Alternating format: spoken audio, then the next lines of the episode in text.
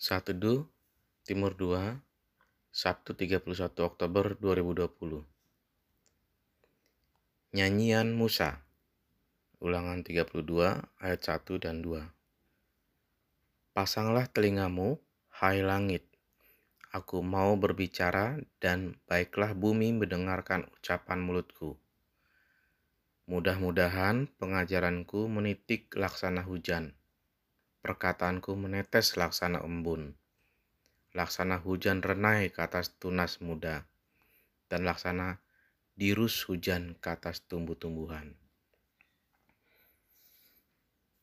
Nyanyian Musa, demikianlah ayat itu diberi judul. Alangkah dalam artinya. Seperti kita ketahui, Musa dipilih Tuhan untuk memimpin bangsa Israel keluar dari Mesir ke tanah Kanaan Alkitab mengatakan bangsa Israel adalah bangsa yang tegar tengkuk atau sombong, keras kepala, dan kepala batu.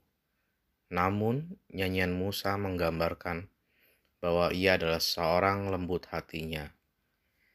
Bisa kita cek juga di dalam bilangan 12 ayat 3. Adapun Musa adalah seorang yang sangat lembut hatinya, lebih dari setiap manusia yang di atas muka bumi Tentu saja ya, menghadapi jutaan orang, tegar tengkuk, dia tetap mengajar dengan eh, lembut hati. Pasti dia adalah orang yang paling lembut uh, di muka bumi. Tegar tengkuk dihadapi dengan lembut hati. Pengajaran yang lembut menyejukkan, menenteramkan, dan memberi kehidupan. Petani mengerti betul ungkapan nyanyian Musa karena hal itu dialami setiap hari. Kata-kata pengajaran yang turun laksana embun, laksana hujan gerimis atau renai, ke tunas muda. Jangan bayangkan tunas muda seperti tunas bambu yang kuat dan kokoh, tetapi bayangkan tunas toge, bayam, cabai, ataupun kangkung. Mereka sangat kecil dan rentan, dan belum mempunyai cukup akar yang kuat.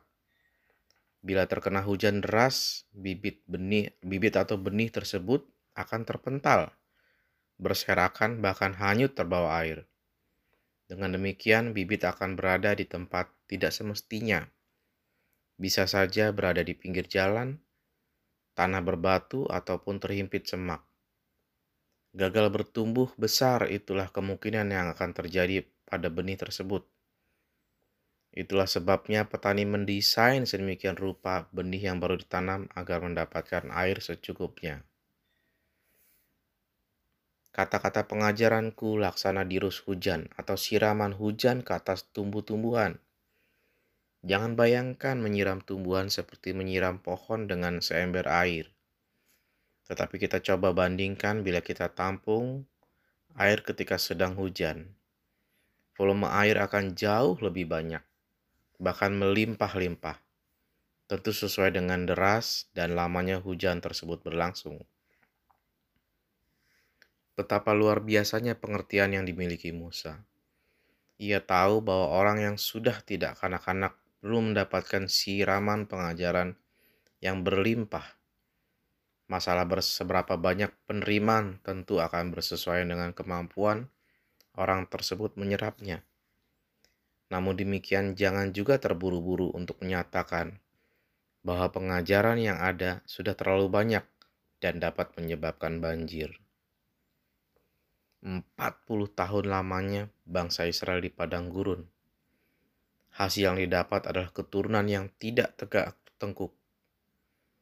Lihat saja bangsa Israel ketika menerima Yosua sebagai pemimpin mereka.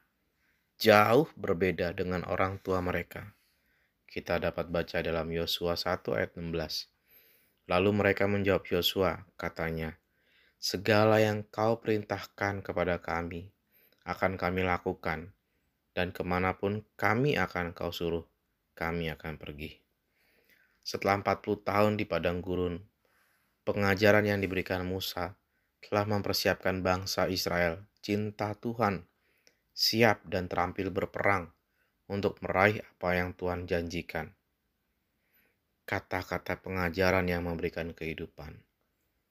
terbukti berhasil mengubahkan jutaan orang Israel.